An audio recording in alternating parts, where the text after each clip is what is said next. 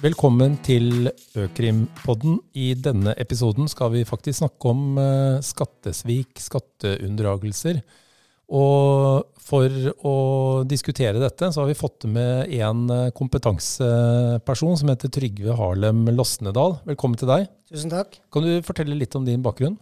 Ja, når du begynner med kompetanseperson, så får jeg bare avsløre med en gang at jeg er ikke noe skattejurist, har ikke jobbet med skatterett. Men eh, jeg, bare, jeg er en samfunnsengasjert jurist som kanskje lider av litt faglig hybris. Så jeg har tillatt meg å mene noe om eh, skatterådgivning likevel. Eh, men min bakgrunn er at jeg har vært forretningsadvokat i advokatfirmaet Hjort, advokatfullmektig advokat her. Så jeg har vært domfullmektig og og også vært hos eh, Equinor og jobbet med antikorrupsjon og menneskerettigheter der. Så jeg har fortsatt vært inne i compliance-verden da litt. Eh, og, og, hvor er du i dag?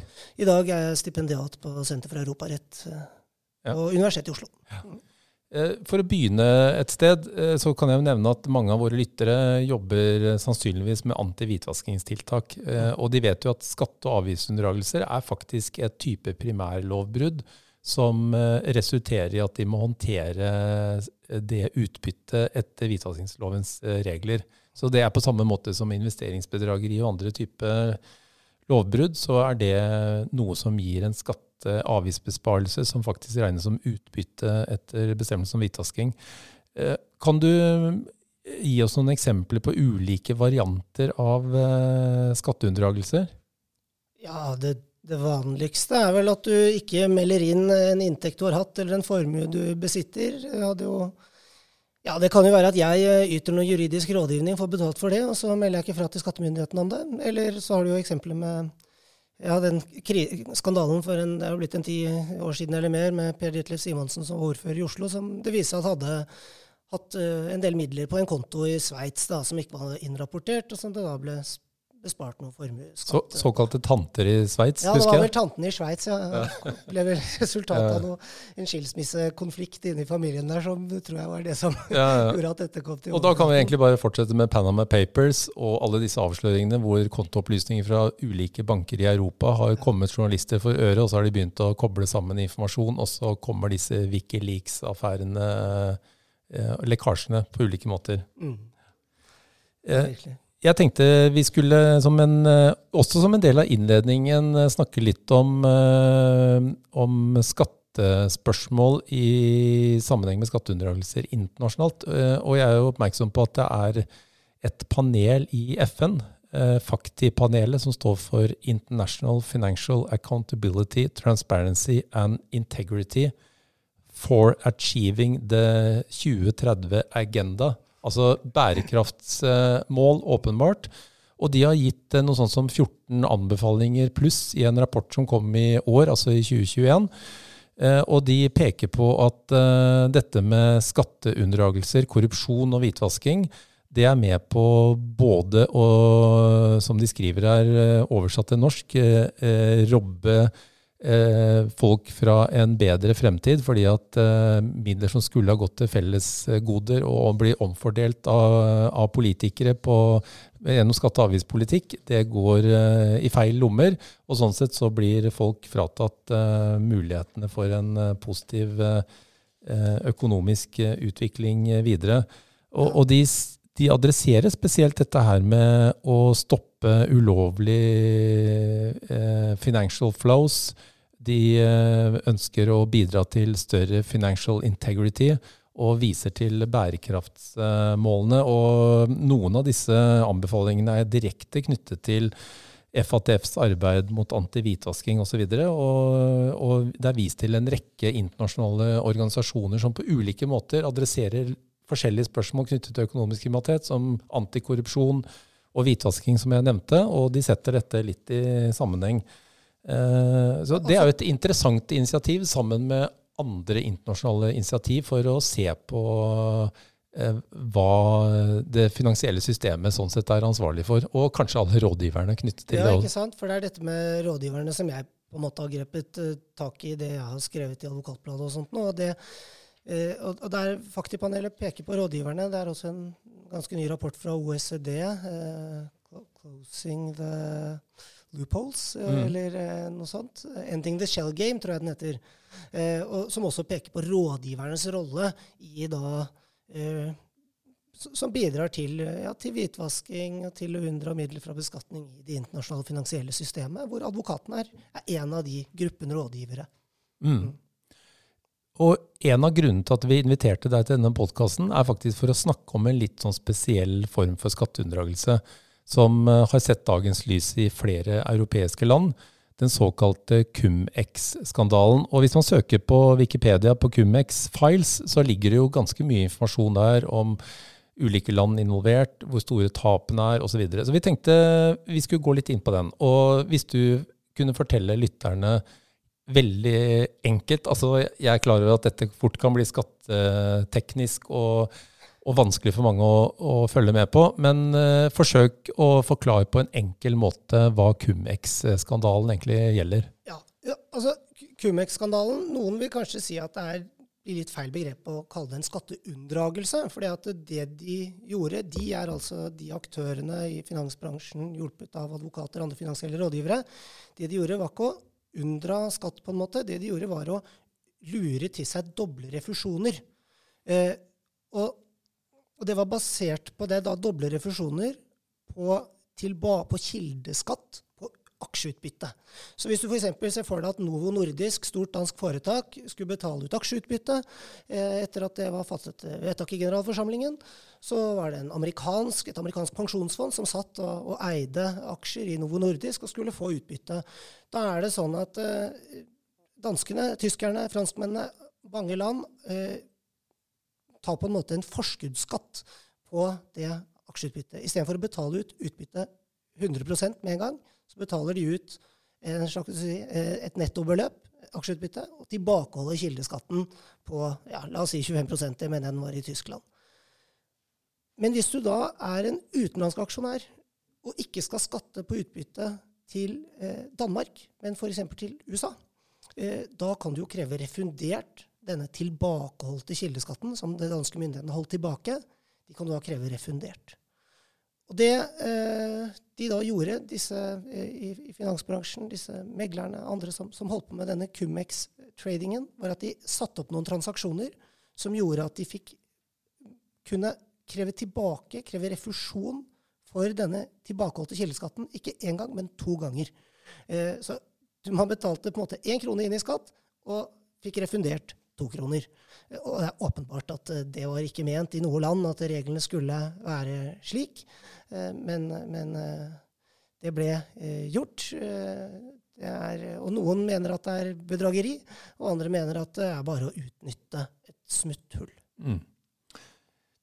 Hvor store tap snakker vi om for de statene som uh, inngår i dette opplegget? Jeg forstår at beløpene ble fordelt på ulike selskaper og i uh, til dels kompliserte transaksjoner, som du for så vidt er inne på. Men, men beregninger av tap for de statene som er involvert, sånn cirka?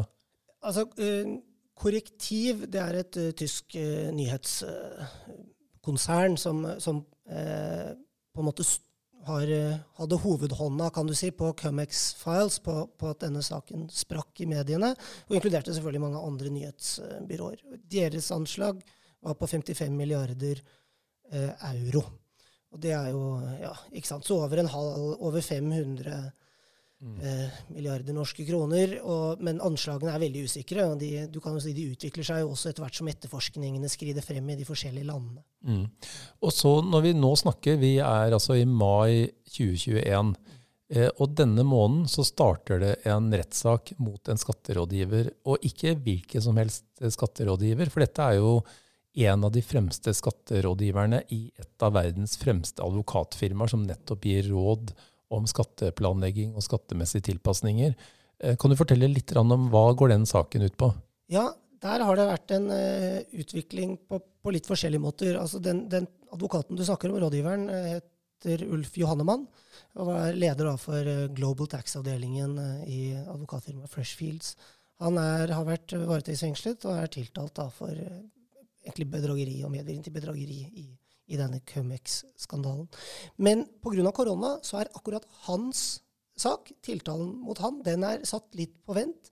Eh, og eh, den skulle egentlig gå sammen med en, en sak mot eh, en del eh, topper i banken Maple Bank.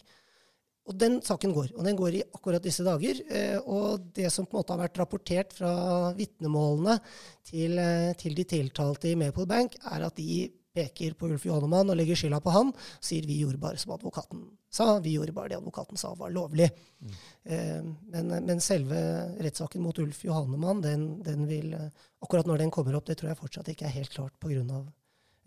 Ja, korona, rett og slett. Ok, Men vi snakker om rådgivere i denne Cumex-skandalen mm. som uh, er satt på tiltalebenken, og ja. som må møte i retten. Ja, og det er en annen advokat også, en, nå husker jeg ikke fornavn, men Hanno, også tysk skatteadvokat, sentral eh, figur i det tyske skatterettsmiljøet, som, som også da er, eh, om han er tiltalt eller bare mistenkt, han er i hvert fall flyktet til Sveits mm. for, for, å unndra seg de tyske myndighetenes forfølgning. Og hvis vi, jeg nevnte så vidt uh, Panama Papers i stad. Hvis vi ser på Panama Papers, Cumex, uh, LuxLeaks osv., det er jo en rekke sånne typer lekkasjesaker som undersøkende journalister tar tak i og, og bringer til torgs og gjør kjent for hele verden. Alle som orker og, og er interessert i å lese om det. Uh, og, de peker jo bl.a. på at advokater er ganske sentrale rådgivere i veldig mange av disse sammenhengene. Ja, altså i Panama Papers var jo Mossack Fonseca det var jo det advokatkontoret som var på en måte du kan si, navet i hele den skandalen. Og det var papirer lekket fra det advokatfirmaet som, som virkelig gjorde at bomben eksploderte.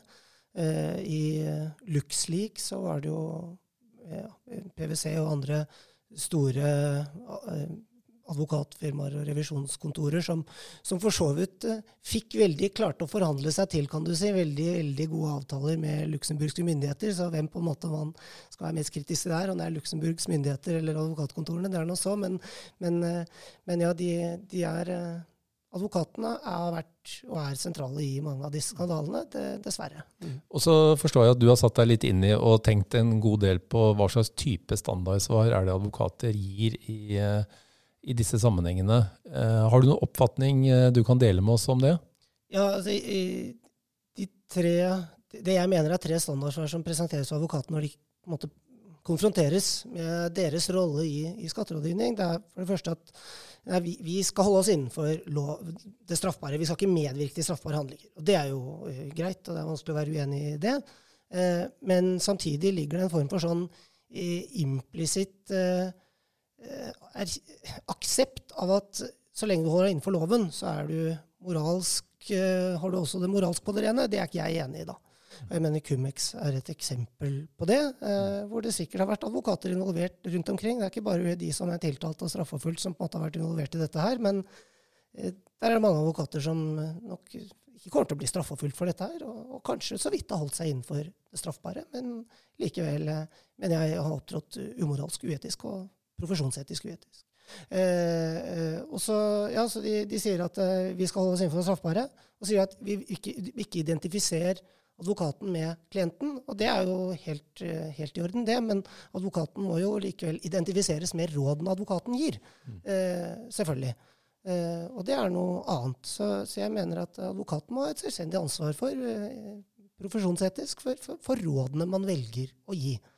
Um, ja, og så var det vel en ting til uh, der som jeg nå har glemt, uh, som jeg mente at det er en del Beta av standardsvaret. Betale, betale rett skatt til rett tid er vel også et uh, moment som ja, ofte kommer fram? Ja, det trekkes ofte frem at det er på en ja. måte det advokatene bare hjelper til med. Og det er klart at man skal hjelpe til med rett skatt til rett tid, men, men en del ganger så er det veldig vanskelig å si hva som er rett skatt til rett tid. Og, og, og fortsatt er det jo mange advokater som hevder at det var rett, rettslig riktig å få doble refusjoner. Mm. Eh, fordi at reglene, lovens regel var slik at den ga rett på doble refusjoner. Selv om mm. det selvfølgelig var eh, åpenbart at eh, staten ikke mente at reglene skulle være sånn. og at det, jeg vil jo si at det er klart umoralsk å betale inn en krone og så hevde at du har rett på to tilbake. Mm. Eh, men, men, men det, det, anføres jo det fortsatt. Så, så, og du har også det hver rett skatt til rett tid hvis du den, på den måten man kan innen skattejussen velge litt sånn shoppeforum. Du kan shoppe litt jurisdiksjon. Eh, vil du sette opp et selskap på St. Kitts and Nevis i Luxembourg, i Norge, i Tyskland, i USA, så, så, så blir det litt vanskelig å si hva, hva er, er, er rett skatt til rett tid. Jeg syns ikke at det er dekkende. Eh, jeg syns liksom ikke at de tre svarene bringer advokatene helt i mål, da. Ja, skjønner. Eh, og så peker du også på at det kan hende at myndighetene har sovet i timen, og myndighetene ikke har regulert uh, dette godt nok, sånn at det er smutthull som noen uh, lever av å utnytte. Definitivt. Ja. Og, og, tyskerne fikk endra reglene sine i 2012, og det fikk liksom satt litt stopper for denne utnyttelsen der. Og, men så hadde jo han den, den, den, mest sentrale, kan du si, eller den som har vært utpekt som en slags uh, hovedskurk, om vi skal bruke det begrepet, i, i den danske delen av Cumex-skandalen. Danmark har, mener at de har tapt rundt 15 milliarder kroner på, på Cumex. Og Sanjay Shah han har uh, er den som er utpekt som hovedskurk. Og Han eh, ble da intervjuet eh, på, på, TV eller på video. Eh, jeg mener det var av Bloomberg. og Han fikk da spørsmålet selvfølgelig om han mente han hadde gjort noe straffbart. Det sa han at nei, jeg har ikke gjort noe straffbart. Og Så fikk han også spørsmålet mener du at du har gjort noe uetisk. da? Sover du godt om natta med dette her? Er det liksom helt greit? Og da var hans svar at uh, I haven't done nothing wrong. If anyone's to blame, it should be the Danish authorities for not closing the loopholes. Og det er jo en måte å se det på som jeg er eh, veldig uenig i.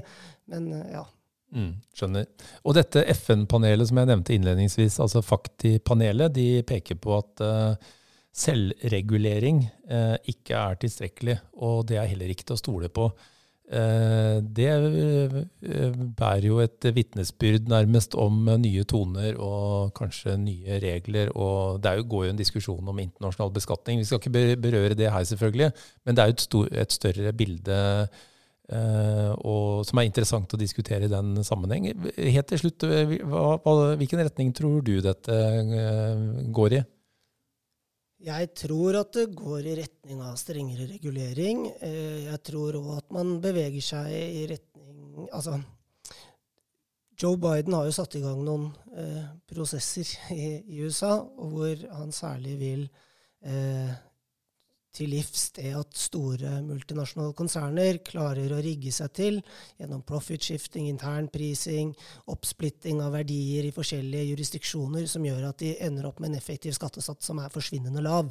Eh, det er jo både konkurransevridende, eh, fordi at eh, da blir det jo noen konserner som liksom Amazon, Google, sånne svære foretak, som klarer å har en helt annen skattebyrde enn de de konkurrerer mot. Det er jo ikke bra for konkurransen. Og så er det, som du var inne på som innledningsvis her om, om Fakti-panelet, peker på at det, det, det, det, gjør at skattegrunnlaget forvitrer eh, for statene. Og hva skal vi si, det går på bekostning av skoler og politi og helsevesen og forskjellige nødvendige og fine ting som, som staten må og kan bidra med. Mm.